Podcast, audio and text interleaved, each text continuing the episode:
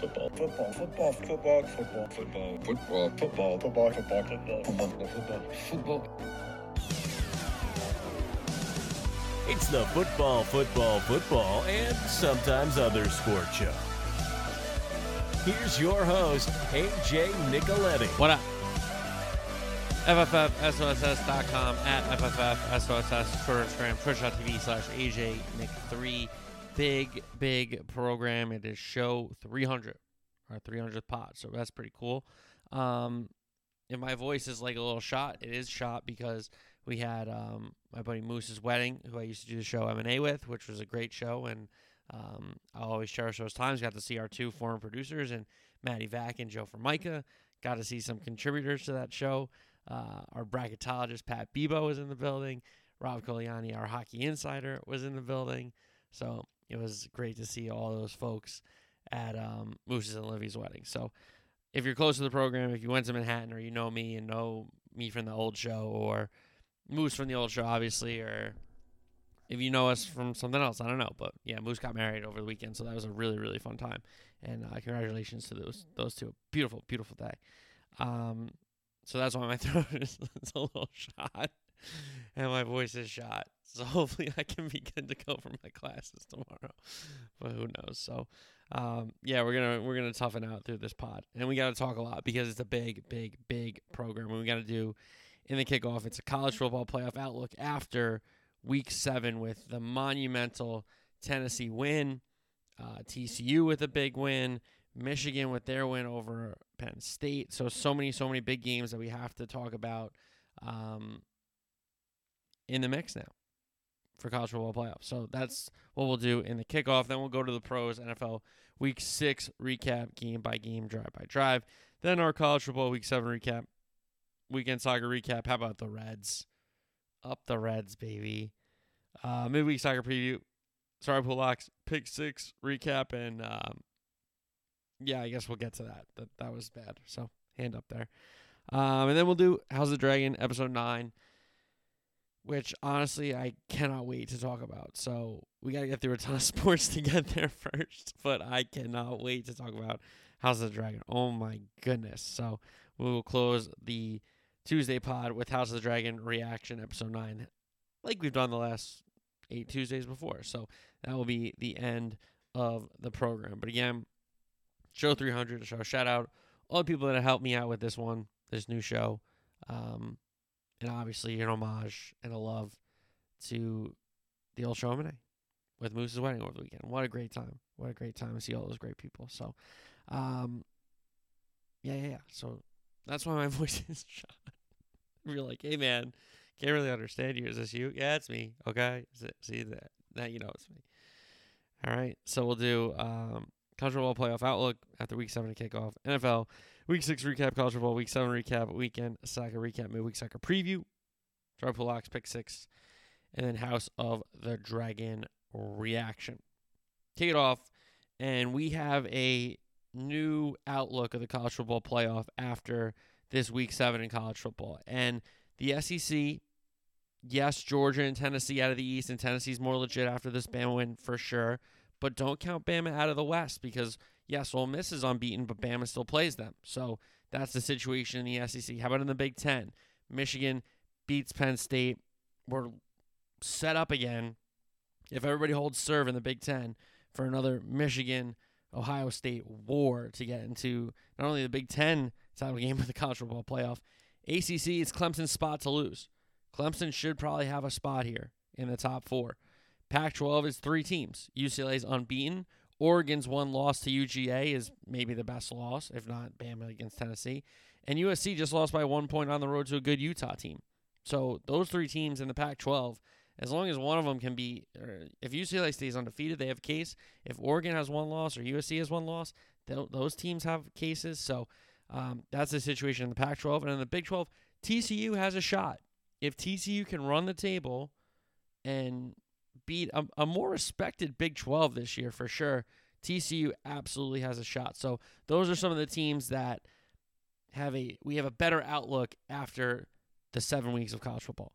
So let's dive a little deeper. Let's go into the SEC East. And Georgia and Tennessee are both unbeaten. There's a showdown in Athens on the 5th of November. Georgia's schedule. They get Florida at the neutral site, as we know. Then in the Tennessee game, they go to Starkville to take on Mississippi State. They go to Lexington to take on Kentucky. Then they're home to Georgia Tech. Tennessee has UT Martin coming in. They have Kentucky coming in. They go to Georgia. They host Mizzou. They go to South Carolina. They go to Vandy to end the year. So one of these teams is going to at least have one loss because they play each other. So whoever really wins that game will have the inside straight to an inside path to Atlanta in the SEC title game. How about the West? It is unbeaten Ole Miss, and they now have their destiny in their hands for a uh, SEC championship game berth. Uh, they go to LSU, they go to A&M, they host Bama, they go to Arkansas, they finish with the Egg Bowl at home against Mississippi State. So we're going to figure out what Ole Miss is made of down the stretch of this season. And one loss Bama, host Mississippi State. They go to LSU, they go to Ole Miss. They have Austin Peay at home, and then they have Auburn at home. So you could argue the tougher spot, uh, the tougher part of Bama's schedule is definitely done. Um, because Auburn is down. Mississippi State's a good team, but they should beat them at home. LSU is not LSU. Austin Peay, come on, what are we talking about here? So that's the situation in the SEC West. How about the Big Ten? Ohio State, Michigan, both unbeaten, have to play each other. We know that the last game of the year. I would normally bring in Penn State here, but I do think they're going to end up with two or three losses, um, suffering this first one against Michigan. I think Penn State's just a year too early or too late, depending on what you're how you you know piece it together. Um, so Ohio State has Iowa at home. They go to Penn State. They go to Northwestern. They host Indiana. They go to Maryland. Then they get Michigan at the shoe. Michigan has Michigan State coming in. They go to Rutgers. They host Nebraska. They host Illinois. And then they go to Ohio State. So he could be set up for that showdown. Um, and again, guys, we, we talk about this year in and year out with the playoffs and the rankings and like how's that team ahead of that team. Like it usually all sorts itself out because a lot of these teams end up playing each other and they're elimination games. Really, truly, they are. ACC, Clemson, the tough run continues with with the home game against Cuse. Cuse is unbeaten, and you know, yeah, they had BC in the middle here, but they had Wake, they had NC State, they had Florida State, and now they have Cuse with BC in there. So this is the tougher run of the Clemson season for sure. Um, at ND, you know, yeah, earlier in the season in the build-up, you thought that could have been top ten showdown if both teams are, you know, unbeaten or one loss kind of a situation. But Notre Dame, you thought they were off the mat, and they, you know, lose again. Um, so that game isn't as tough as we might think it could have been at the start of the year. Neither is Louisville or Miami, and then they're home against South Carolina. That's the Clemson schedule. Pac 12. UCLA is unbeaten, but they go to Oregon, they host Stanford, they go to Arizona State, they host Arizona, they host USC in the crosstown there, and then they go to Cal. So UCLA has to play Oregon and USC, whereas Oregon and USC do not have to play, and they both have one loss. So Oregon has UCLA in Eugene. They go to Cal, they go to Colorado, they have Washington at home, Utah at home. That's gigantic. So they have the UCLA game at home, they have the Utah game at home, and then they go to Oregon State. You can't say what that game used to be called anymore. USC has one loss in conference, as Oregon we know has the one loss out of conference against Georgia. USC just lost to Utah. They go to Arizona, they host Cal, they host Colorado, they go to UCLA, and then they host Notre Dame for Senior Day in um, that cherished rivalry game, as we all know. When it's in Notre Dame, it's in October. When it's in LA, it's the last game of the year, if I'm not mistaken. Big 12, TCU is unbeaten. And though Oklahoma State has one loss and can certainly get back into contention, I don't think a one loss Big 12 team is getting in over maybe an unbeaten UCLA. Um, obviously, a Clemson, if they're unbeaten, is in. One of these Big Ten teams, whether it's Ohio State or Michigan, is probably in. And then honestly, how do you split hairs now if Bama runs the table as SEC champion they're in? Tennessee, Georgia, the loser of the SEC title game, are they still, you know? So I don't know. I, I just think that TCU to stay in the conversation has to be unbeaten. Has to be. And their schedule is this Kansas State at home, probably their biggest game the rest of the way rank wise besides UT. So at West Virginia after that, Tech at home, at UT, at Baylor, and Iowa State at home to finish the season for the Horned Frogs. So again, all these games are out ahead of us. You know, once that playoff rankings start, everybody's gonna, you know, get excited about, oh well that team shouldn't be ahead of that team and wait a second, that team beat that team in common opponents. How does that it's usually all gonna play out. We're getting Georgia and Tennessee to play. You know, we're getting Bama and Ole Miss to play, and like the winners will play in the SEC title game. Ohio State, Michigan are gonna play. You know, Clemson has faced a lot of their schedule, but if they remain unbeaten, they're probably in. You know, UCLA has to play Oregon and USC. You know, so Oregon's got to play UCLA. USC's got to play UCLA.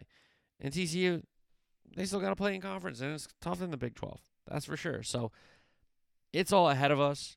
Don't get upset you know, like even I fall victim to this, so I don't want to be like a hypocrite or whatever, but like, you know, sometimes I don't like what the committee's doing because they're setting things up down the line with the precedents that they're setting, you know, each kind of game or each kind of week that they release the rankings and stuff like that. So that's the kind of stuff I get on.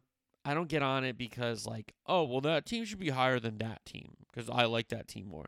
That's not what I really get on. I just get on the fact that I don't like the little patterns that they do so that they can justify them later down the line when the real rankings matter the most, right? So, um, again, a lot of it's going to play out, guys, just due to the fact that these teams have to play each other. Um, so we're going to have, you know, it's a lot of teams right now Georgia, Tennessee, Ole Miss, Bama, four, you know, Clemson is five. Michigan and Ohio State seven. There's three in the Pac 12, 10, and TCU is 11. And yeah, you know, Oklahoma State, you know, what if Utah gets back involved and they only have two law, you know, like what if Penn State beats Ohio State? You know, there's a lot of other teams that could be involved here for sure, but I just thought out of these 11 that I mentioned, they're the big contenders right now and we've the outlook surrounds uh, the outlook involves them the most kind of a thing. Okay? So, 7 weeks in, We'll recap our top 25 games after we do our NFL recap. But after doing a uh, kickoff on this last Thursday of looking ahead to the games and how they're going to have an impact, I wanted to recap the impact and then just recap the games when we get to the games. So that's why I did this kickoff. There you go. All right. Um, so now let's get into our NFL Week Six recap. Detroit, Houston, Las Vegas and Tennessee on the buys. We got started with a Thursday night horrific football game that at least ended well, right? At least it ended well. But Washington and the Commanders beat the Bears in Chicago, Soldier Field, 12 to 7. Bears are driving it down the field. They get to goal to go, but Fields picked going in. They get it back. Herbert, a long run. That sets up goal to go, and then fourth and goal. They turn it over on downs. So two of possessions in the red zone, no points. Then for the Commanders, multiple DPIs get them down the field. A McKissick run gets them a first down. It all leads to a Slye field goal. So the Commanders on the board, three nothing. Fields to Jones for a third down conversion. Montgomery had a nice run on a third down for a first down, and then Fields Pettis touchdown. Bears on the board and in the lead, seven to three. Commanders driving. Wentz actually, you know, throwing the ball, not horrendously, actually kind of horrendously. I won't even lie, horrendously. Uh, but they get down the field, and it's goal to go, and it's a Joey field that they settle for again. So it's seven six. Bears still holding on. Commanders then punting after the Bears did a really good job of you know, getting off the field defensively, but they muff it. So it's goal to go. Brian Robinson, the former Bama back, the the guy that was shot in, in training camp and came back and now playing, which is an unbelievable story in itself. He gets in. They go for two. It's no good. So it's 12 to 7. Commanders, Bears around midfield. They got a fourth and 16, so they decide to go for it. They don't get it. Commanders, in turn, can't run the clock out, but they do try to attempt a Joey Slye field goal, but he misses. So it's 149 left for the Bears. No timeouts. They take over at their own 38.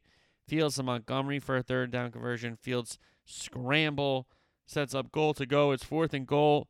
It's complete, but it's short of the goal line. So, I mean, it's tough to be honest how that one ended for the Bears, but Commanders somehow find a way to win the game. Carson Wentz has a broken finger, so he'll be out for a little bit, and it seems like it would be Howell the rookie and not Heinicke for next week. So we'll see what happens with the Commanders going forward. But Wentz hurt in the win on Thursday night. Washington 12, Chicago 7. Another barn burner for Al Michaels and Herbstreit. They were they were dying again on Thursday night.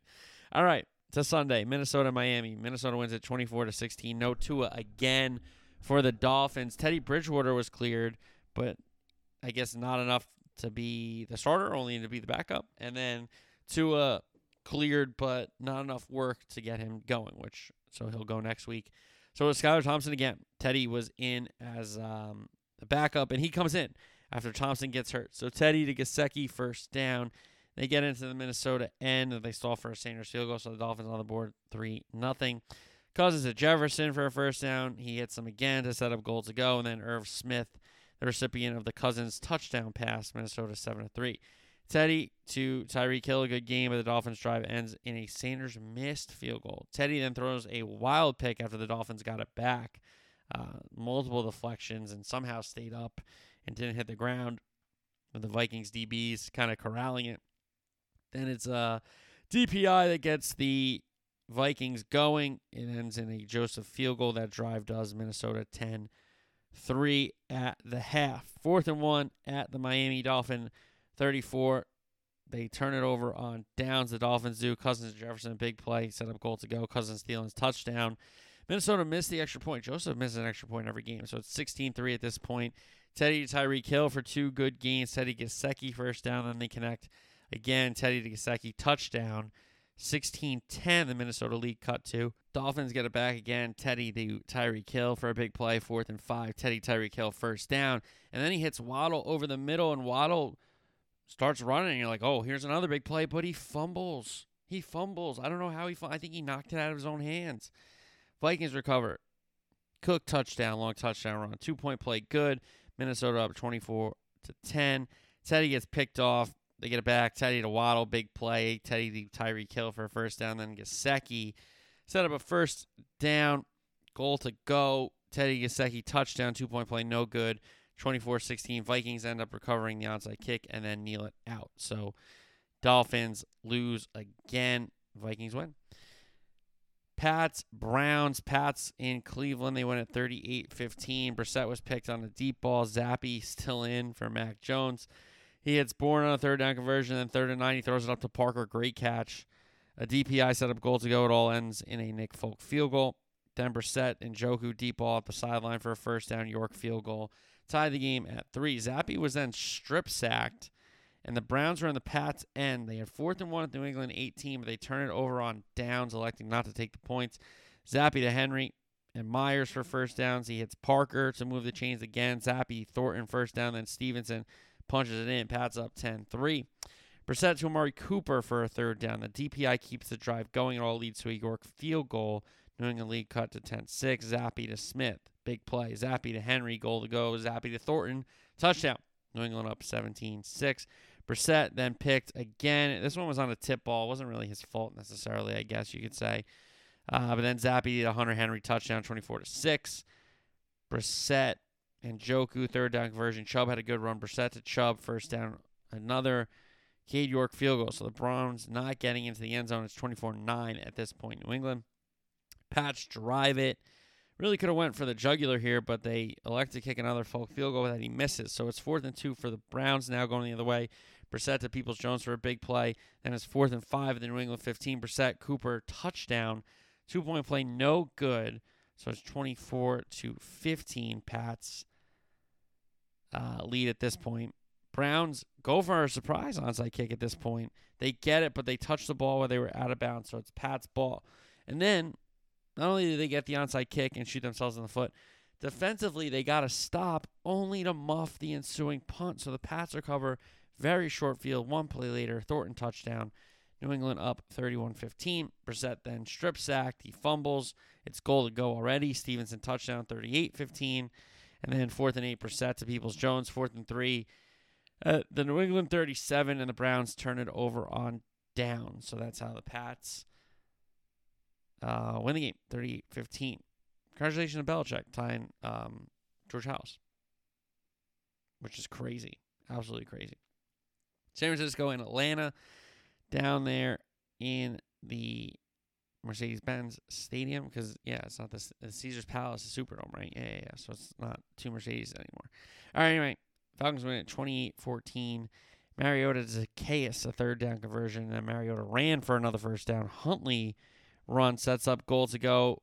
Mariota Pruitt touchdown. Falcons up 7 nothing. Then we had a Wilson fumble. Falcons scoop it up and score. So it's a 14 nothing Atlanta lead. But here come the Niners. Jimmy G to Deebo, first down. A Wilson run for a good gain. Jimmy G completions to Aiyuk Kittle for both first downs. And then Jimmy G, Aiyuk touchdown 14 7. Niners get a short field after a good punt return. They hit Juszczyk out of the backfield. Jimmy G does for a good gain. Then Jimmy G, Aiyuk touchdown. We're tied at 14. Third and 12, Mariota scrambled for a first down. I mean, Atlanta was kind of in no momentum. You know, Niners had just tied it up. You're thinking, hey, just get to half even, you know, but Mariota scrambles for a first down and then he hits Drake London, the rookie, for a first down. Huntley run, set up goal to go, and it all leads to a Mariota touchdown. Atlanta back in front, 21 14. Jimmy G then threw a pick to end the half. Allgeier set up a run in the second half for the Falcons. Mariota ran for another first down. Mariota Pitts back in the lineup, touchdown. Atlanta 28 14. Niners are then moving, but Jimmy G gets picked. They're driving again later in the game.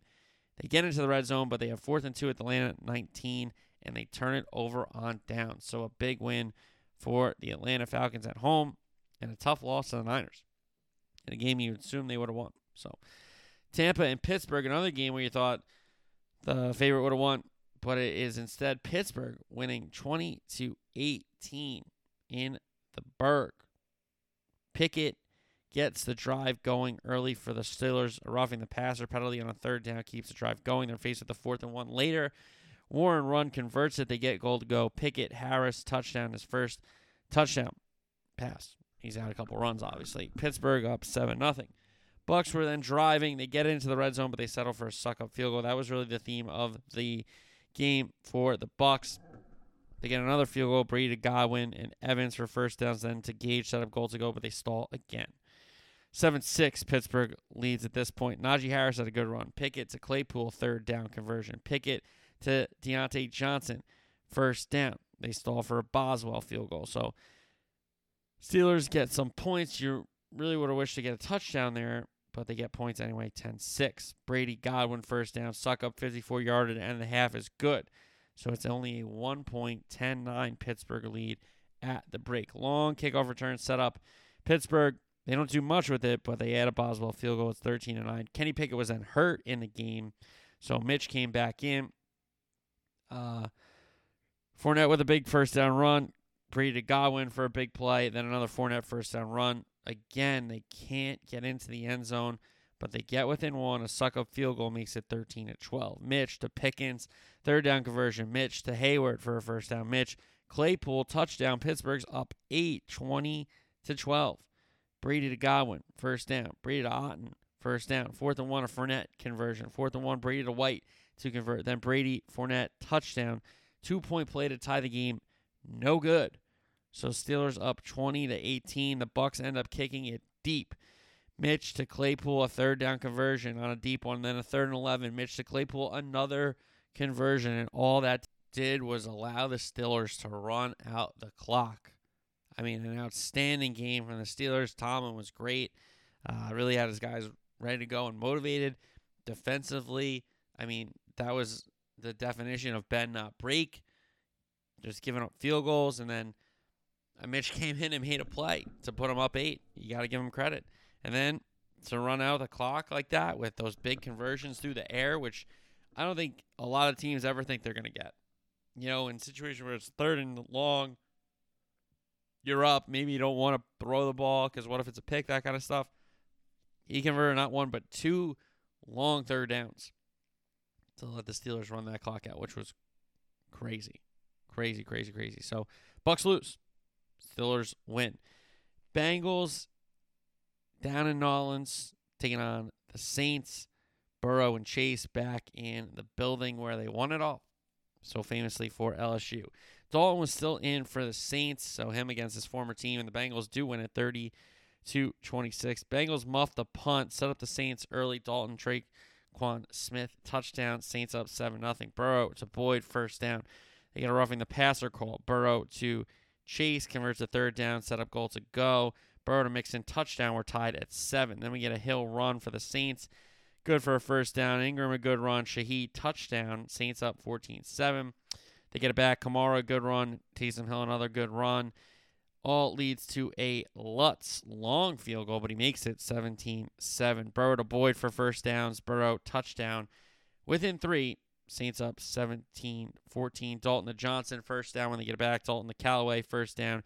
Ingram, a good run. Third down, Dalton converts to Smith. It all leads to a Will Lutz field goal that ends the half. Saints up 6, 20 to 14. Dalton Ingram, uh, second half action. First down, Dalton scrambles on a third and 15. It comes back on a penalty, but then on third and 25, a roughing the passer keeps the drive alive. Dalton Kirkwood, first down. Another Will Lutz field goal. Saints up 23 to 14. Mixon, first down. Burrow Chase, first down. Then Burrow Chase, touchdown. He escaped everybody and ran up the sideline. Saints lead cut to 2, 23 21. They get on a Lutz field goal, a couple third down conversions. Uh, Ingram a third down run, Dalton to Smith to convert a third down. Lutz field goal 26 21, third and four for the Bengals. Burrow to Boyd, first down. Burrow to Chase, another third down conversion. Burrow to Higgins to move the sticks again. McPherson field goal made it a two point game 26 24. Bengals get it back. Burrow to Chase 60 yard touchdown, two point play, no good. Cincinnati up 30 to 26. Saints trying to move it. Dalton to Johnson, first down. Dalton to Kamara, first down. But they have fourth and 17 at the Cincinnati 48, and they cannot convert it. They turn it over on downs, and that was all she wrote. Bengals win it on the Bayou, and Burrow and Chase's return down to Louisiana. They gave so many fans so much joy and that natty run, that unbeaten natty run. So Bengals win it 30 to 26. Ravens, Giants at the Meadowlands. How about the man? And I'm not doing that sarcastically. The Giants win again. They're 5 and 1. 24 to 20. They beat Lamar's Ravens. And the Ravens were moving early, but they stall. And you think, okay, you know, they stall, but they'll add a Tucker field goal because he makes everything, right? Well, he missed. He missed a field goal. So we're still at 0 0. Ravens get it back. Lamar runs, then he throws to Duvernay for a first downs. Lamar to Andrews, first down. Lamar to Kenyon Drake, third down conversion. All leads to a Kenyon Drake touchdown. Ravens up seven nothing. Giants turn. Jones to Slayton, long third down. Jones to Breida, first down. Jones to Robinson, first down. Then Jones back to Robinson, touchdown. We're knotted at seven. Lamar to Andrews for a first down. Drake had a long run. It all leads to a Tucker field goal. He makes this one. Ravens up 10 7. Then Jones was Getting ready to chuck the Hail Mary, but fumbles it. So that was the end of the half. Ravens led 10 7. Coming out of the second half, Drake with a good run. Lamar to Andrews twice for first downs. Lamar run sets up a goal to go, but they stall there again. Tucker field goal makes it 13 to 7. Jones to Bellinger for the Giants. First down continues the drive. Oh, the drive continues on unsportsmanlike conduct penalty. Sorry, I read that wrong. Uh, Barkley run sets up goal to go, but the Giants stall in the red area. They can only get a Gano field goal, so it's a three point game. Ravens up 13 10. Lamar, good run. Drake runs for a first down. Drake, another good run. Lamar Andrews, touchdown. Ravens 20 to 10. But here come the Giants. Jones to Johnson, first down. Jones to Robinson, first down. Jones to Sills, move the chains again. Then he runs for a first down. All sets up Jones, Bellinger, touchdown. Ravens lead 20 to 17 with the Giants uh, picking up that touchdown. Then in their own end, Lamar, bad snap, can't really corral it, picks it up, throws it, it's picked off. Short field for the Giants. Jones throws a pick in the end zone, but it comes back on a DPI. All leads to a Barkley touchdown that took the lead. Giants up 24 to 20. Lamar then fumbles, so the Giants again in the Ravens' end. And instead of, you know, scoring a touchdown and maybe icing the game for good, Saquon Barkley decides to slide and bounds, keep the clock going, and kneel it out, which cost us our over by one point, which we'll get to in pick six at the end of the program, which unfortunately did not do well this week, as we know. All right, so hey, shout out the Giants. That's a big win for them. 24 to 20. And the Giants win and the Jets win. Look at the New York football teams. Jets winning Green Bay 27 to 10. Rodgers and Lazard for a big play to get the Packers going, but their field goal, their Mason Crosby field goal, gets blocked. Jets then punt, but they get blocked. Rodgers then fumbles. So it's a short field for the Jets. Breece Hall some really good runs. that leads to a Greg the Leg field goal. So the Jets on the board 3 0. Rodgers to Tanya first down. The Packers end up going for it. Fourth and three the Jet 46, and they turn it over on downs. Jets end up having a Greg the Leg field goal miss. Uh, Rodgers completions to Tonyan, completions to Cobb, completions to Tonyan again. Doubs, Lazard, it all sets up a Crosby field goal. That ends the half three to three. So very low scoring in Lambeau. Wilson and Corey Davis deep ball, huge gain. Then they run the reverse to Berrios. He gets in. Jets up 10-3. Jets then blocked a punt, scoop and score, touchdown. Special teams for the New York Jets. Robert Saleh's New York Jets. 17 3. DPI got the Packers going. Illegal contact for another first down. Rodgers to Jones, first down. Rodgers to Lazard, touchdown. Packers within seven now, 17 10. But Jets answer right back. Wilson to Uzomah, first down. Wilson to Conklin, first down in the Breece Hall touchdown run where he just ran past everybody. Jets up 24 to 10. Fourth and one for the pack. Rodgers runs. Uh, Jones runs, sorry. Then Rodgers to Tanya for a first down. Rodgers to Amari Rodgers, first down.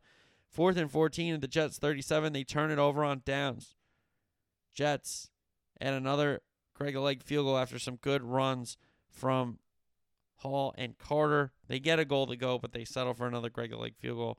27 10. And the Packers end up turning it over on downs. They had fourth and two at their own 33, trying to force that comeback. So the Jets winning Green Bay. How about the New York football scene? Unbelievable. Jacksonville, Indy. Indy wins this one 34 to 27. And honestly, I was dead right about this game, except the Jags screwed me. Straight up. I'll tell you that right now. Um, they went up 7 nothing. James Robinson a first down. Lawrence at the end for a first down. And Agnew run set up goal to go, and Lawrence runs it in himself 7 nothing. Jackson for the Colts with the first down run with uh, Taylor being out. Ryan Woods first down. Ryan Pittman first down. Ryan Pierce first down. All leads to a McLaughlin field goal, so the Colts on the board. Hasty then had a long touchdown run for the Jags, 14 3 there. Ryan and Jackson twice for first downs. DPI set up goal to go. Ryan Campbell touchdown. Uh, so they're in the end zone. Jacksonville up 14 10. Ryan and Granson twice for first downs. McLaughlin field goal. It all led to that 14 13. Jags. Uh, Etienne, first down, run. Defensive holding. Keeps the drive going. Lawrence, Farrell, first down. Lawrence Jones, goal to go. Lawrence, touchdown run. Jags up 8, 21 13. Ryan to Granson, first down. Roughing the passer. Continue the drive on a third down. The Jags are about to get off the field. Uh, Jackson gets in the end zone. They go for two. It's originally called good, so you're thinking tie game, but then they review it, and it was incomplete. The pass from Ryan to Pittman, I believe. So Jags keep their lead. It's two points, 21-19. Jags are moving it, but they have fourth and one at the Indy 32. They turn over on downs there. Ryan to Campbell, first down. Jackson, a first down run. They get goal to go. Ryan Woods, touchdown up 26 21. 18 plays for the Jags. They go down the field. Lawrence, Kirk, touchdown. Two point play, no good. So they're up one, 27 26. And you're thinking, okay, Colts just need a field goal to win it. You know, they're not going to do anything crazy. But here they go down the field. Ryan to Pittman, first down. Ryan to Pittman again, first down. Ryan to Pierce, touchdown. Two point play, good. Indy up 34 27, and the Jags end up doing the pitch play and fumbling. So, a game that, honestly, Jags could have won outright. Maybe should have won outright. Um, they lose, and they don't cover it as well. All right, four o'clock slate: Arizona and Seattle. Maybe Arizona's just really, really bad, and I just give them too much credit for having like a talented team and a coach that I kind of like, but maybe he stinks. And Seattle, maybe I was just kind of wrong on with Geno, but I don't know. It's still early on Seattle. So, but they win it 19 9. Give them credit. Um, but again, a lot of this is Arizona shooting themselves in the foot, to be fair. Uh, Murray had a big run. He throws it to Rondale Moore to set up goal to go. They settle for an Ammendola field goal, 3 nothing. Walker, a big run. Walker, another good run. Another good Walker run. Uh, Seahawks tie the game with a Myers field goal 3 3 after they stall. Cardinals were moving it. They had fourth and four at the Seattle 20, but they turn it over on downs. Seahawks moving for another Myers field goal, so they're up 6 3. Then Geno with some completions. He has a good scramble, uh, led to a third Myers field goal. That ended the half, Seattle 9 3. Cardinals moving it, second half action, but they turn over on downs. They had fourth and two at the Seattle 27. So a, a fourth and four at the Seattle 20 and a fourth and two at the Seattle 27, both coming up short for the Cardinals. Seahawks then stalled for a fourth Myers field goal. So Arizona not over uh, out of it by any stretch of the imagination. 12-3 Seahawks. Murray to Ertz first down. Murray fumbles. So going in, he was running, he had a good gain, and he fumbles. Seahawks end up punting after the fumble, and the Cardinals recover a bad snap in the end zone. So it's a touchdown. They're within three. All they got to do is get another stop, right? But Geno has completions of Fant and Eskridge and Metcalf, and then Kenneth Walker scores a touchdown. Seahawks go up 19 9.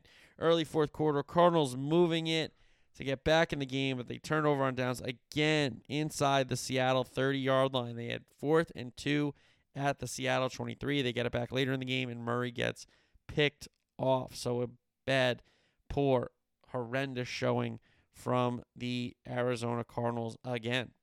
Again. Um, and I'll get to who they added from Carolina after I recap this Carolina game, but they are getting Nuk Hopkins back. So Carolina LA next. The Rams at home win it 24 to 10. Wilks is the interim for the fired Rhule, and he already had to deal with some um, some BS on the sideline, to be fair to him. So we have a PJ Walker Panther team with Darnold and Baker Mayfield injured. Panthers go down the field with PJ Walker. Leads to a Piñeiro field goal. The Panthers up 3 0. But here come the Rams. Stafford Kupp, first down. Henderson, a good run, set up goal to go. Then Stafford, Robinson, pseudo fade, pseudo jump ball. But Rams in the end zone there and up 7 3. Stafford then threw a pick six. So it was Panthers 10 7. And that was the score at the half. But the Rams come out of the half. Stafford to Cooper Kupp, Then he hits Skowronek. Stafford to Robinson. Then he hits Rivers. That set up goal to go. It's uh, they stall there for a Gay field goal, so it's 10 to 10. Rams get back Stafford to Kupp, big play. Then Allen Robinson, he hits for another good gain. Then Skowronek end around, gets around the end and scores. So the end around gets around the end, and he scores a touchdown. Rams up 17-10. They get it back again. Stafford to Robinson, third down conversion. Stafford to Brown on the screen. Then he hits Powell on a wide receiver screen. That set up goal to go. And Henderson gets into the end zone on the carry. Good for him to get back in the end zone. Rams up 24-10. PJ Walker gets hurt. In comes Jacob Eason, and Eason gets picked, the former Washington products. Tough to come in against that Ram defense, that's for sure. Buffalo and Kansas City. This great rematch of the two best teams in the AFC, in my opinion, no doubt about it. And a game that I wish was a little more high scoring, but it was still entertaining nonetheless. Bills win it 24 to 20 in Arrowhead. And it really was missed opportunities early on. Allen to Davis, Bills driving. Allen tries to pitch it. It's a backwards lateral, and the Chiefs recover. Chiefs then drive it. Mahomes to Hardman twice for, for, for good gains. Mahomes scrambles, sets up good goal to go, but then he gets picked. So no points early. Buffalo, their turn to move it again, but they stall for a Bass field goal, 3 nothing. Chiefs move it. Mahomes to Kelce, big play. Mahomes to Smith Schuster, touchdown. Kansas City on the board, 7 3. Allen pushes the Bills down the field again. They get a crucial flag to keep the drive alive. Then fourth and three at the Kansas City three, they turn it over on down. So Bills with two good drives and no points to show for it uh, early in the game. Allen, uh, they get it back to Davis. Good gain. He hits Diggs for a big play. Then Allen gave Davis on the sideline touchdown late in the second quarter. Buffalo up 10 7, but they left too much time for Mahomes. He gets McKinnon to get out of bounds. He hits Kelce to get into field goal range, long field goal range, but they got Butker back. He makes the long one. We're tied 10 10 going into the half. Then we have second half action. Chiefs moving it again, but Butker misses the field goal this time. Nantz calling it a chip shot. Romo was like, you shouldn't have done that, uh, which was kind of funny. But then we have the Bills moving. Allen and Knox first down. Allen to Diggs. Touchdown. Bills up in front 17 to 10. But here come the Chiefs. Mahomes to Kelce first down. Mahomes to Smith Schuster. Huge play. And then he hits Hardman as he steps up in the pocket near the goal line. So we're even at 17. Bills had fourth and three at the Kansas City 46, but they turn it over on downs. Mahomes to Kelce to get the Chiefs into Butker range. He makes it. Kansas City up three, 20 to 17. And then Bills trying to drive third down. Here comes Chris Jones, and he clears day trips Josh Allen. He stuck his leg out and he tripped him. It should have been called tripping. It should have been an automatic first down for the Bills, but instead it gets called a sack, and the Bills have to punt. But the Chiefs, fortunate for the Bills, punt it right back. Allen sneaks for a first down. Allen a Diggs twice for good gains. Then Allen an awesome design run around the corner where he had an unbelievable athletic hurdle to get around the corner and get more yards. And then Allen Knox touchdown, puts the Bills in front 24 20. And you're thinking, well, here we go again. The Bills score late and they have to rely on their defense, who is a good unit for sure, but against Mahomes, it's a different it's a different animal. It truly is. But the Bills get the stop. They get Mahomes picked off, and that's enough for the Bills to win in Arrowhead in this year's regular season showdown of Bills and Chiefs, which we will again most likely see in the postseason, as we know. All right, Sunday night football. Cowboys, Eagles, and what I said about this game was this: the Eagles should win this game, and honestly, they better win this game because it's still Cooper Rush for the Cowboys. And credit to the Eagles, they did win it 26-17, but again, a lot of the same Eagles issues perked up.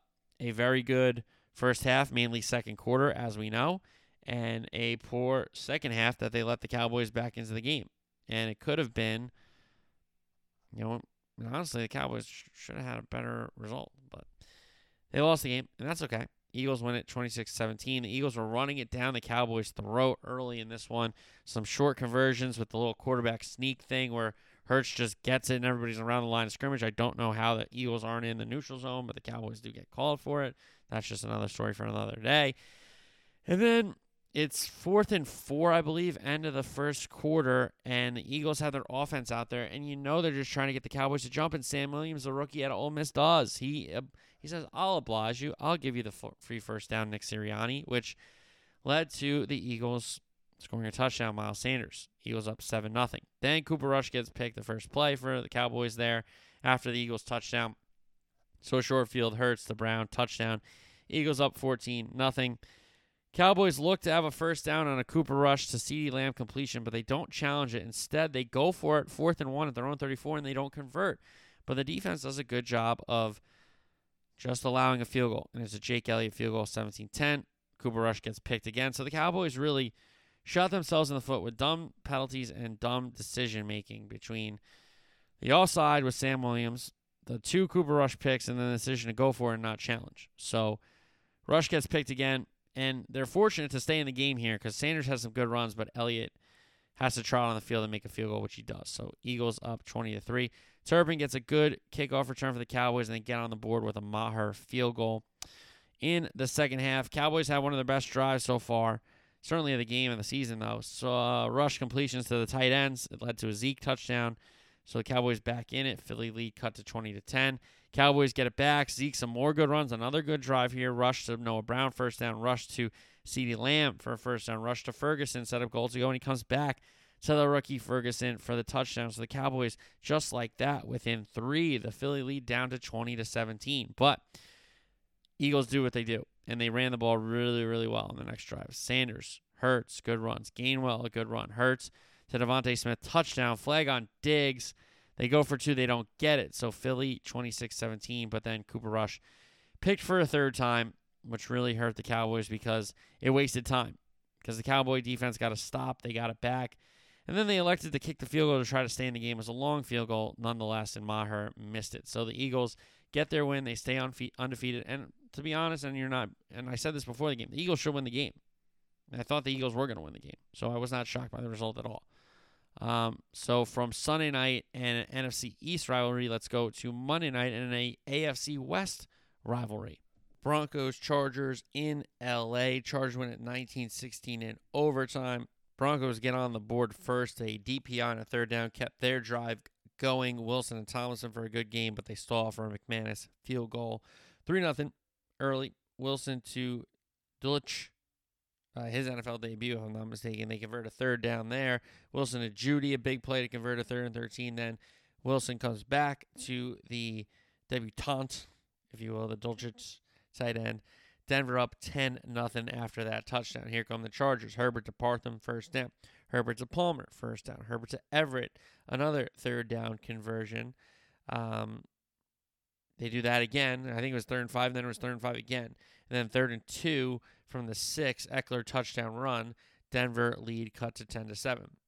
Chargers get it back. Michel, good run for a first down. DPI keeps the drive alive. Another DPI keeps the drive going. Ekeler, a third down run for a fresh set of downs, but they stall for a Hopkins field goal 10 10. End of the half now. Wilson deep ball to Hamler. He underthrew it, but Hamler caught it anyway. No timeout, so the clock's running. They elect to run another play. It's Wilson and Jeudy a first down. He gets out of bounds. Then they get a roughing the passer call half the distance. It's goal to go, but they settle for another McManus field goal. So it's 13 10 Broncos at the break. Chargers two Ekeler runs for first downs, roughing the passer. Another 15 yard gain. Herbert's a Palmer first down, but they only can tie the game. Another Hopkins field goal.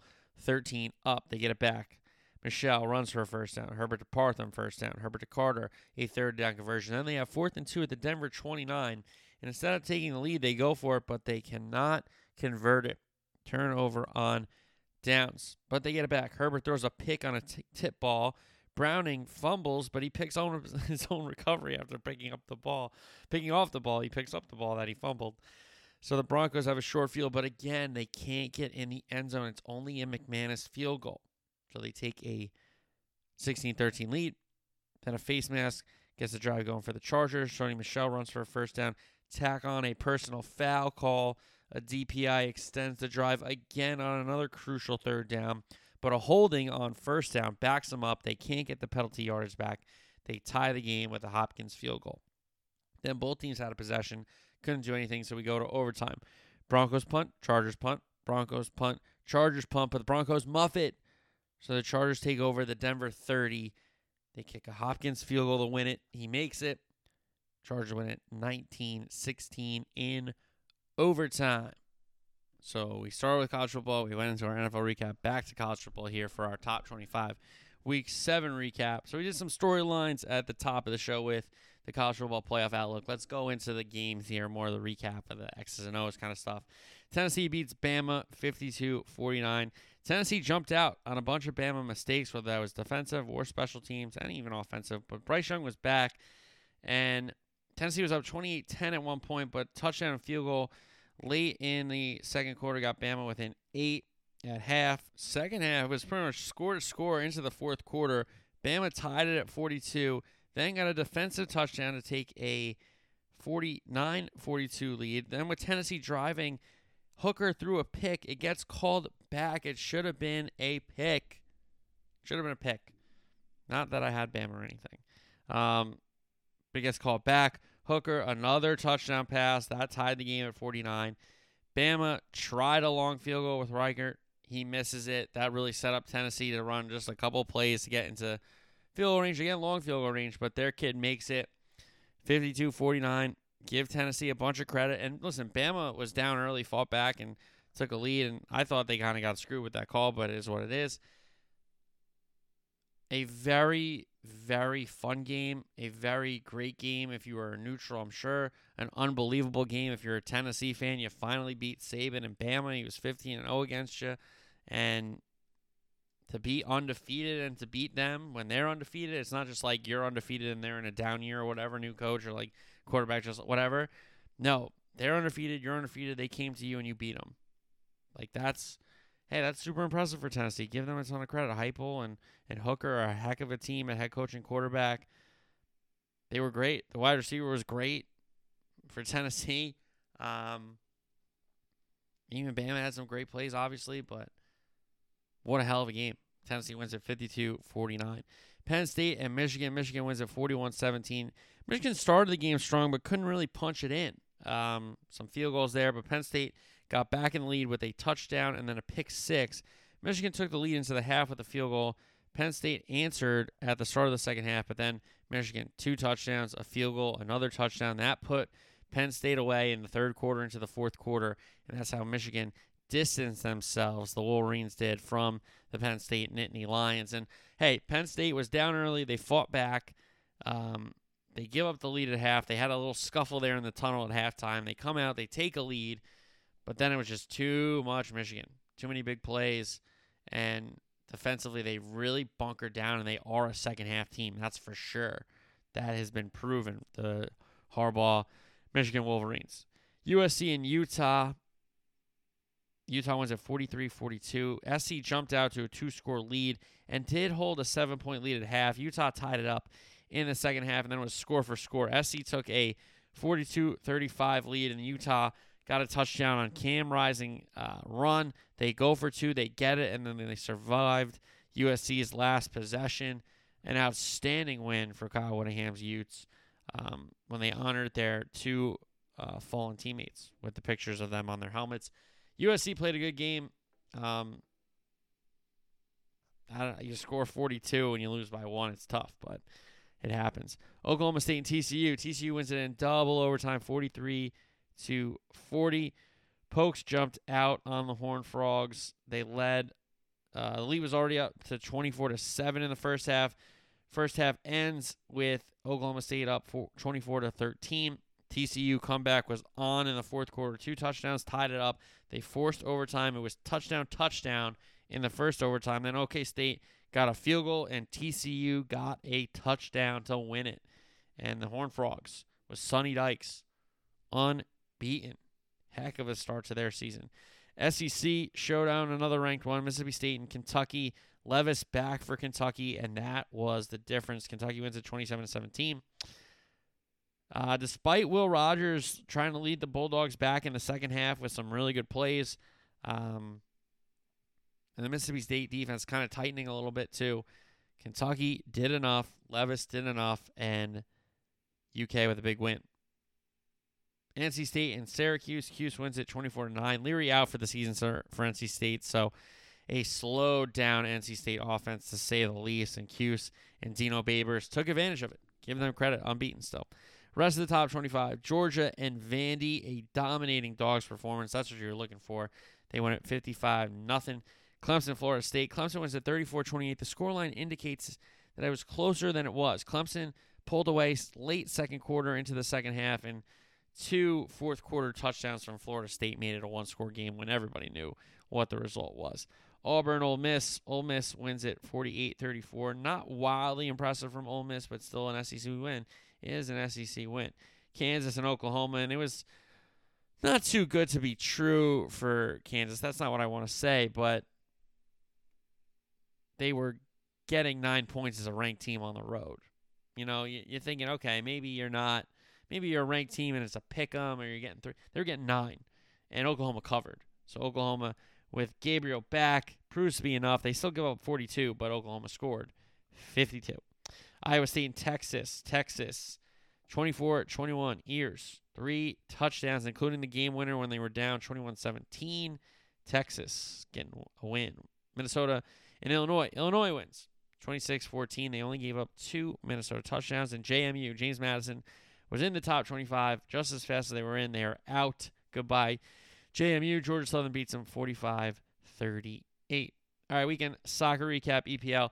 Brentford and Brighton what a flick on goal from Toney on the cutback, and then he got a brace on a goal from the spot. So Brentford win it 2 0 over Bright, uh, Brighton. Leicester City and Crystal Palace finish 0 0 at the KP. Fulham Bournemouth, fun game here. Uh, inside the first two minutes, Billing plays Solanke after Solanke played Billing. Back to him. Solanke finishes it 1 0. Then Diop got a goal on a set piece for Fulham.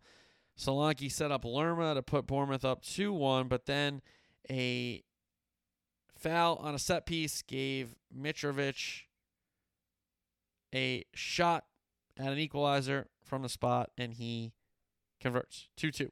That one finished. Wolves and Forest. Wolves score from the spot. It was Ruben Neves, and Forest had a chance with Brennan Johnson to equalize from the spot, and his PK was saved. So the points went to Wolves. Tottenham and Everton. Tottenham 2 0, a Kane PK, and then a Højbjerg goal, where Hummingstone kind of wanted to play to him, but Højbjerg took it on himself and scored. Villa and Chelsea. It was a Chelsea 2 0 win. It was a Mason Mount brace. The first was a mistake after a poor Tyrone Mings header in the box. Mount pounced on it. He was first there and first on the scene and scored. And then the second goal, a free kick that deceived Emi Martinez. He took two steps to his right and it was going to his left. And just that little bit of, I guess, misjudgment because it wasn't hesitation because he made a move. He just made the wrong move. So Mason Mount with two goals there in Chelsea's win. Leeds and Arsenal fun match at Elland Road. One goal in it. It was Bukayo Saka uh, sneaking past Meslier at the near post, and that gave Arsenal the three points. Man U Newcastle nil nil. Ronaldo had the ball in the net, which set Old Trafford on fire because it was like uh, offside. The ball got played back to the goalie, so they thought it was in, and you know Pope was kind of just chilling and then waited to kick it, and then Ronaldo stole it and put it into the net. It should have been a goal, uh, but it was not rewarded. Then Ronaldo gets subbed off. He was pissed off about that, and then his substitute Rashford had a chance to win the game and could not. So that one finished nil nil. Southampton West Ham. Perraud got the first goal for Southampton, but Declan Rice, a very very nice equalizer for the Hammer captain, leveled the match and split the points. And then we had Liverpool Man City at Anfield. Gigantic game. Pep with a formation change, kind of like it seemed like it was three at the back with Cancelo as a right wing back and Foden as a left wing back, maybe. Um, he played Gundogan, he played Rodri, he played Silva, he played De Bruyne, and he played Haaland. And it seemed like Ake was at left back, but then it was left center back. So three at the back for Pep, which was interesting. Liverpool did an unbelievable job without Trent Alexander Arnold. Uh, they slotted Gomez to center back, who was really on right back deputy for Alexander Arnold. But without Matip and Konate, Gomez goes to center back along Van Dijk. Robertson was back for Liverpool, which was big. Thiago Fabinho started. Firmino, uh, Jota, Elliott, and Salah. The rest of the Liverpool 11. And the big moment in the first half, City have the ball in the net. It sh- or I mean, it was the second half actually. I apologize. It was the second half. City have the ball in the net, but it should have been firstly a Liverpool corner because Salah was in. Ederson made a save. Anthony Taylor awarded a goal kick. He's a moron. So then City come down. Uh, Fabinho wins the ball. Haaland pulls him down. Anthony Taylor play on. Um, then De Bruyne a good ball towards the goalie. Alisson grabs it, has his hands on it. Haaland frees it somehow. Should have been a foul here. And Foden beats Gomez to the near post with his redirection before Gomez can knock it off the line. Goal gets disallowed, rightly so, for the foul on Fabinho. But I would wonder if they didn't call a foul on Fabinho, would they have called the foul on Haaland? Um, which was honestly two fouls. It was truly two fouls. I'm telling you right now. If you go watch it back, it was two fouls. So Pep gets upset. You know, he's like, "Oh, this is Anfield." Da da da. Shut up, Pep. It's a foul. Stop with your mind games. You're a loser, and you're a great coach and a great manager and a great, you know, mind in soccer, but in football. Sorry, but you're a clown when it comes to that kind of stuff. Let's just be honest, okay? So um, that's what we're saying there. And then Liverpool get another chance. Um, set piece for City. Alisson claims Salah one on one with Cancelo. Alisson picks him out. An unbelievable turn by Mo Salah. He beats Ederson this time. 1 0 to Liverpool. And then Alisson had a couple good saves, a couple good extra moments for Liverpool. Bernardo pulls Salah down. Should have been sent off, to be honest. And they kicked him out. And nobody saw that, apparently. But Klopp gets sent off for some nonsense. And um, Liverpool end up holding on, which was big.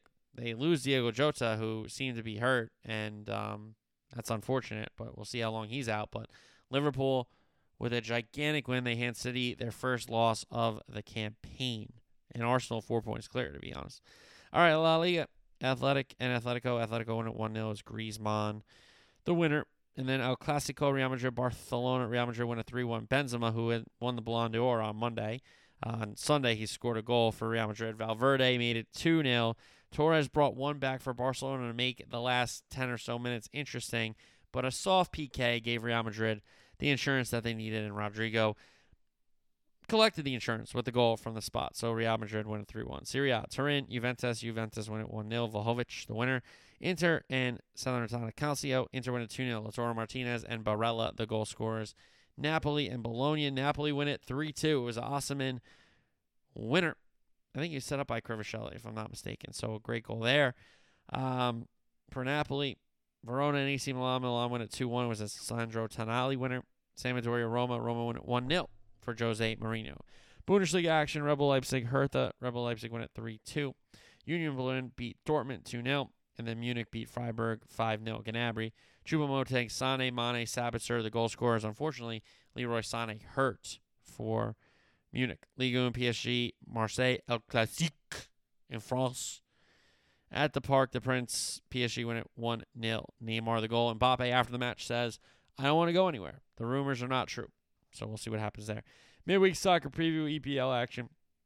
Some games Tuesday, Wednesday, Thursday. Brighton Forest. Forest needs some results in the worst way. Brighton are kind of in a weird season now. They started off well, and now they lost their manager, so who the hell knows what's going to happen with them. But Forest need a result. Crystal Palace Wolves.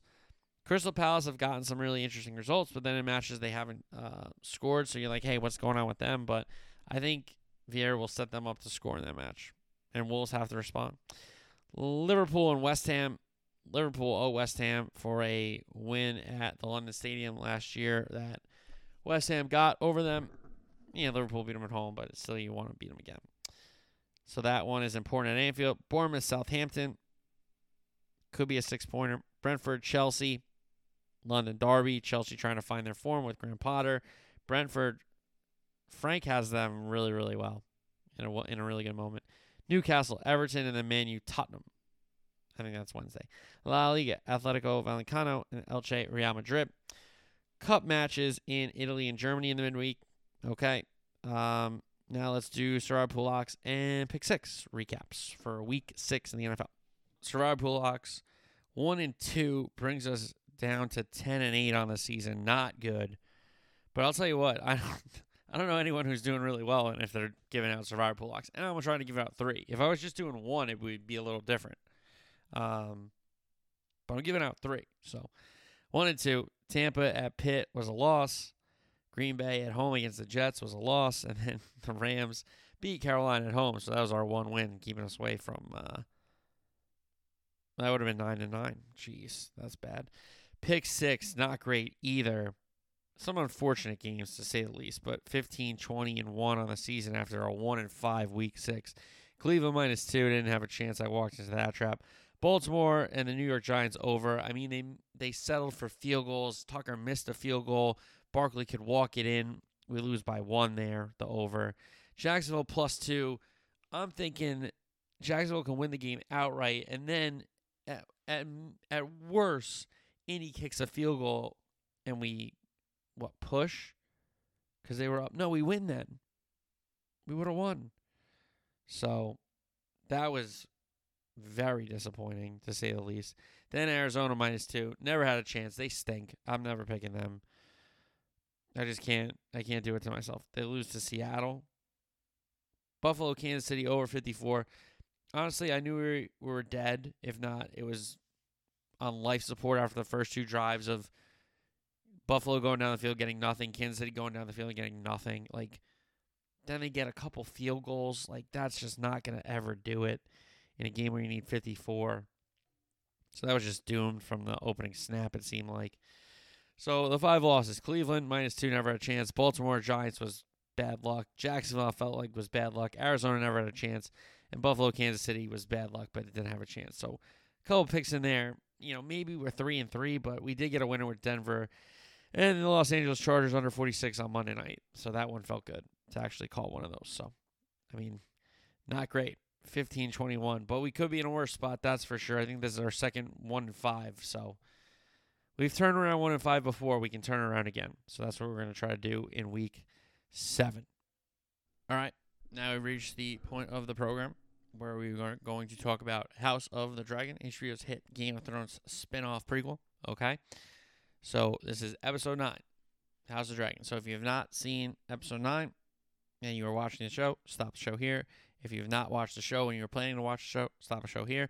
If you just don't even want to hear me talk about the show, you can stop it here and I will talk to you Thursday. Uh, but if you have, um, if you're caught up on House of the Dragon, I'll do the recap or reaction right after this. But if not, um, stop the show now. Talk to you on Thursday. Spoilers, spoilers, spoilers, spoilers, spoilers, spoilers, spoilers, spoilers, spoilers. Okay, here we go. Episode nine.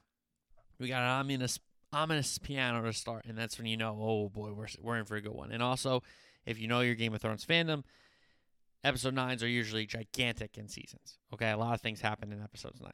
Okay, so we start with you know empty rooms symbolizing you know the king is dead. So a boy whispers to Talya that the king is dead. Talya comes to Alicent to tell her the king is dead. Alicent goes to the hand, and she tells the hand what the dying words were, which was Aegon was supposed to be king, which obviously we know she's misinterpreting because he was high on milk of the poppy. Um, so while this is going on, Talya lights some candles, which are like, hmm, what is this about, right? So we have a small council meeting. And Tywin Lannister's like, what couldn't have waited, right?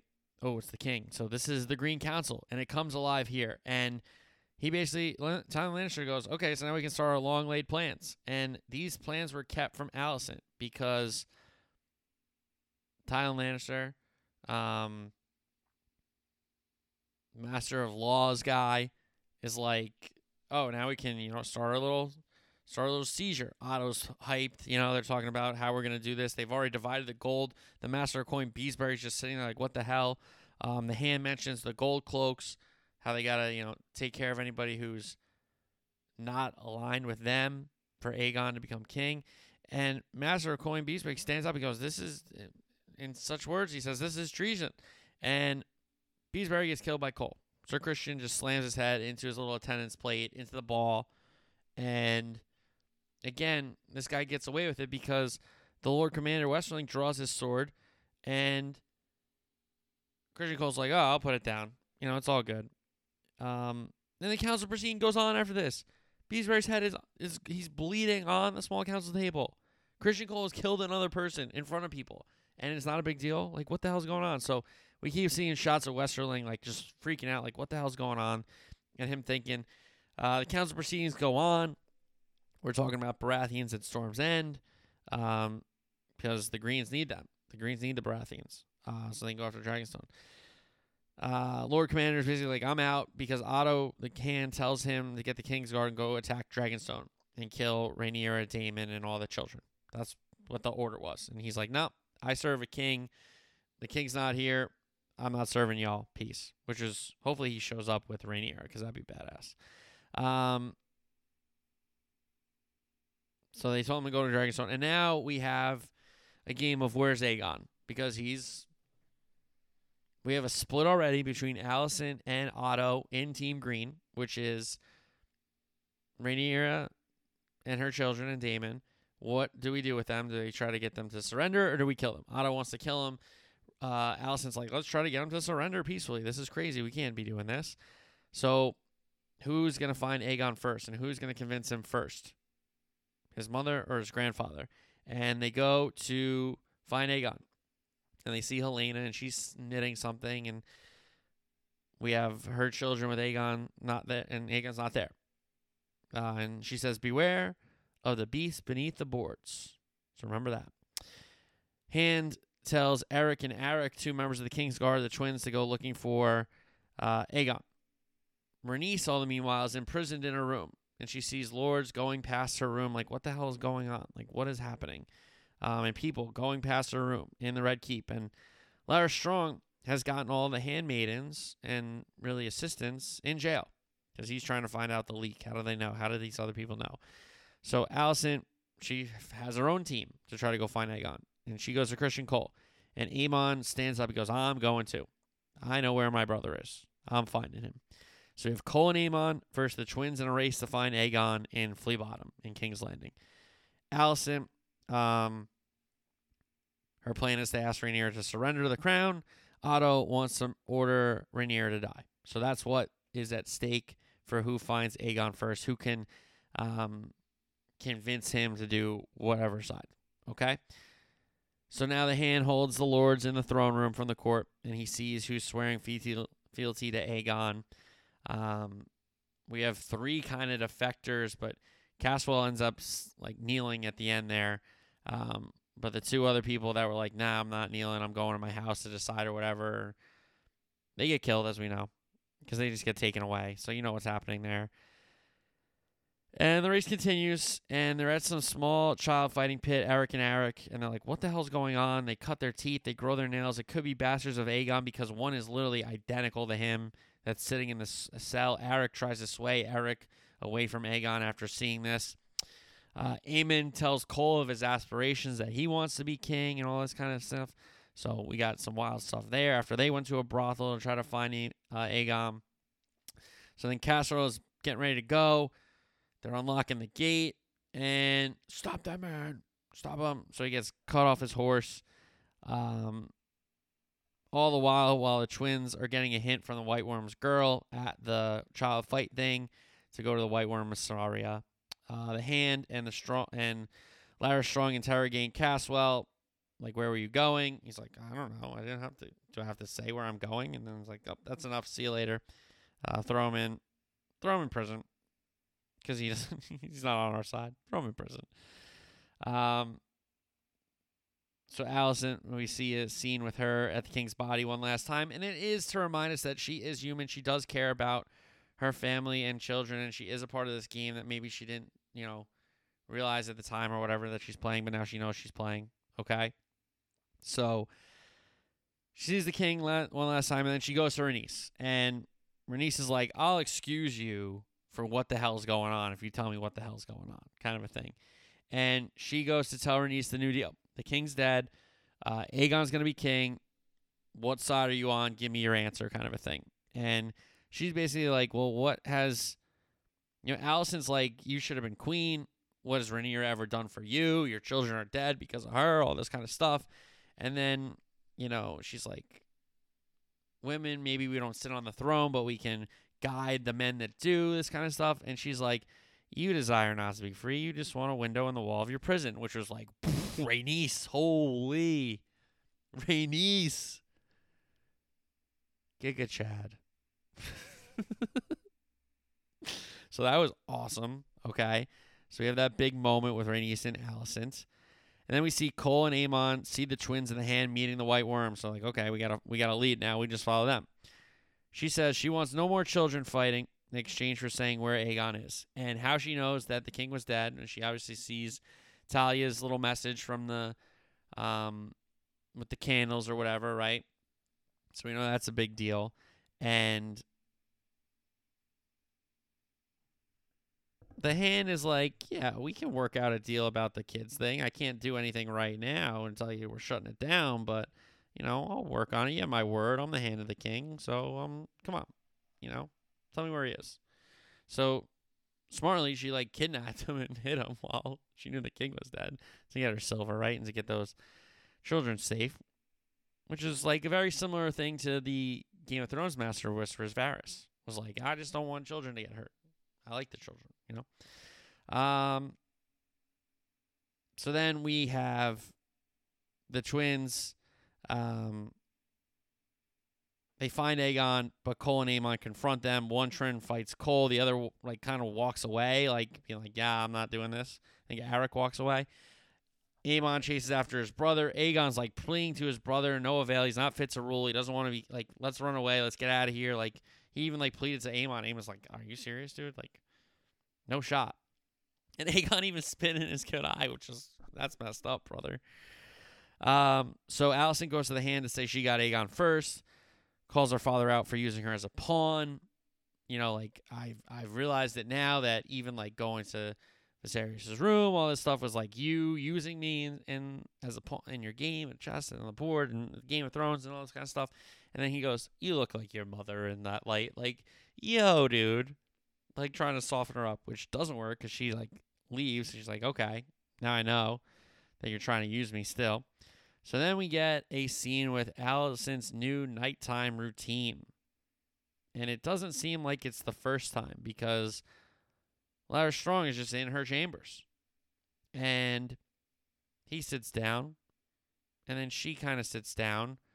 And they're having like a little exchange um, about the white worm and Talya and spiders. And the queen is taking off her shoes, taking off her stockings, putting her feet on the table, and then finally puts them on the bench and looks away. And Larys Strong starts, you know, going to town on himself.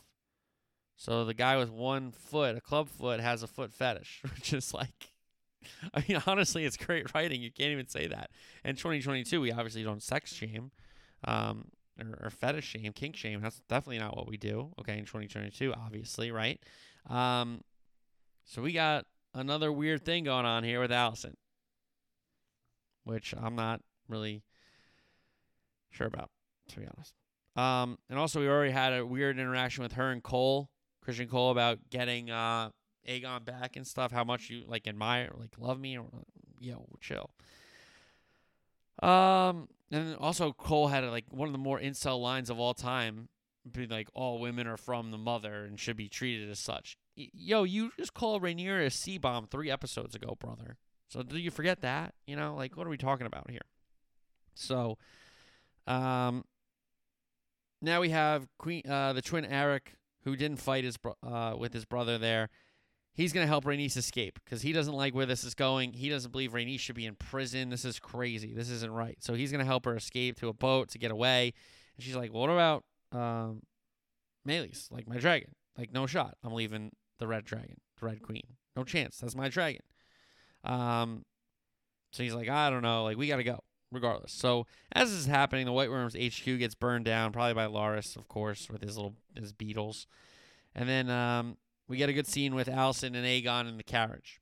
Okay, and Alicent tells Aegon about the king's dying wish that he wanted you to be king. And he basically is like, he had 20 years to name me king. And steadfastly, he didn't do that and kept honoring Rhaenyra's claim. So how are you going to tell me on his deathbed that that's true? And then she's like, okay, well, here's the dagger. He's like, um, really? Like, uh, he really did this? So he's kind of falling in love with the power after never really wanting it, after saying he's not fit to rule, after saying he doesn't want to do it. He sees the dagger and it's a big deal. Know, it's the Aegon the Conqueror's dagger, and now it's his, and he's gonna be king, and he's King Aegon. Okay. Um. So then the conversation wraps up. He goes, "Do you love me?" She just goes, "You imbecile!" Like, which is so good because all he ever wanted was people's admiration and love, and he never got it, especially from his father, who's obviously old as crap when he was not like living, right? Um, but to just hit him with you imbecile was so good. So then we get the twin and Rhaenys get separated, and instead of you know trying to go for the ship, she is like, "Oh, the crowd is going to the dragon pit. Perfect. I'll go to the dragon pit, get my dragon, and I'll be out of here. This is working perfectly for me." Um, so it's Aegon's coronation. He comes out. He gets the crown of Aegon, who it was the crown of Maegor, who is one of his cruelest sons. That's why he was put away. That's why the crown was put away. That's why Blackfyre, I believe the sword's name, was put away. But he gets the crown of Aegon. He gets the sword of Aegon, and he gets the dagger of Aegon. And it's Alicent and Otto trying to show the people that the crown is strong and the ties are back to Aegon the Conqueror, and we should not even think about Rhaenyra. Okay, so he's eating it up. He's feeling the love from the crowd. It's the first time he's ever felt like love and admiration, admiration, and Rhaenys pops up through the floor, the beast below the floor, with Meleys, the dragon. We get multiple innocent people dying. and I'm sorry to laugh, but it's just so funny how it's a show about royal people and all these peasants and normal folk always get killed instantly. Um, so she busts through the door, or sorry, the the floor, and we get a stare down with Alicent and Rhaenys. And Alicent like gets in front of her children, and Rhaenys could end it all with one Dracarys. And everybody's thinking, say it, say it, say it to her, say it to her, say it to her. Like, end this thing right now, right? End this thing right now. She kind of just stares her down.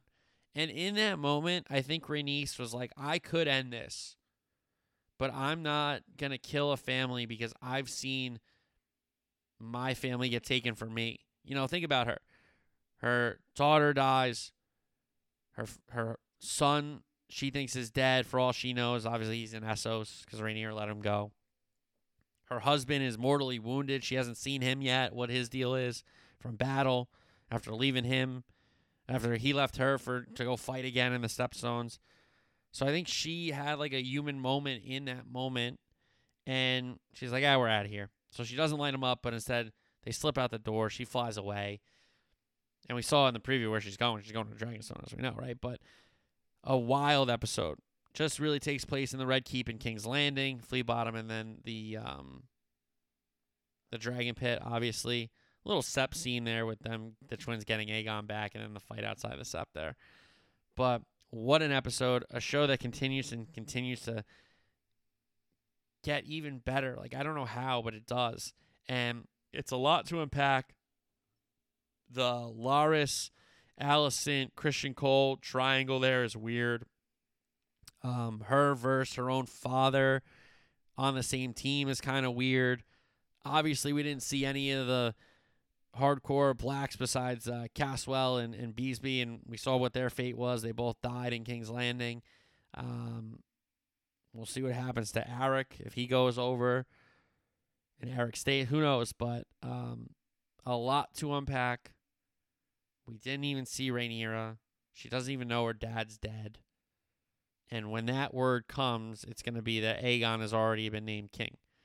So we're going to have a battle, or even at least the start of the battle, in our season finale, and then get set up for a hell of a season two, which I think this show's been great.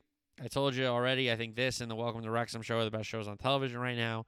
Um, and I think they've been both outstanding. And Re- Welcome to Wrexham just ended, by the way, 18 episodes if you want to get into that. Hulu streaming or FX. Um, and obviously, Game of Thrones is HBO's property, as we all know, House of the Dragon. So, a gigantic episode, so much to unpack. Started with the king dying, ended with a king crowned, and then a queen that was never crowned making a scene at the king's coronation. So, set up for episode 10 brilliantly. The music was great, the acting was great, the writing has been outstanding.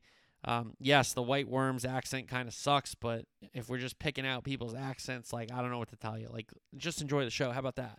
Can we just enjoy the show, please, one time? Oh, my goodness. All right.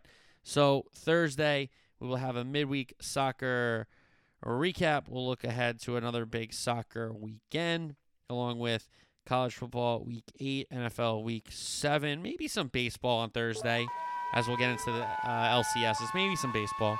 Can't promise anything, but um, big week in sports as it continues. Football, football, football, as we know. And I will talk to you Thursday. Until then, peace. 300 show. How about that? Thanks, guys. Peace.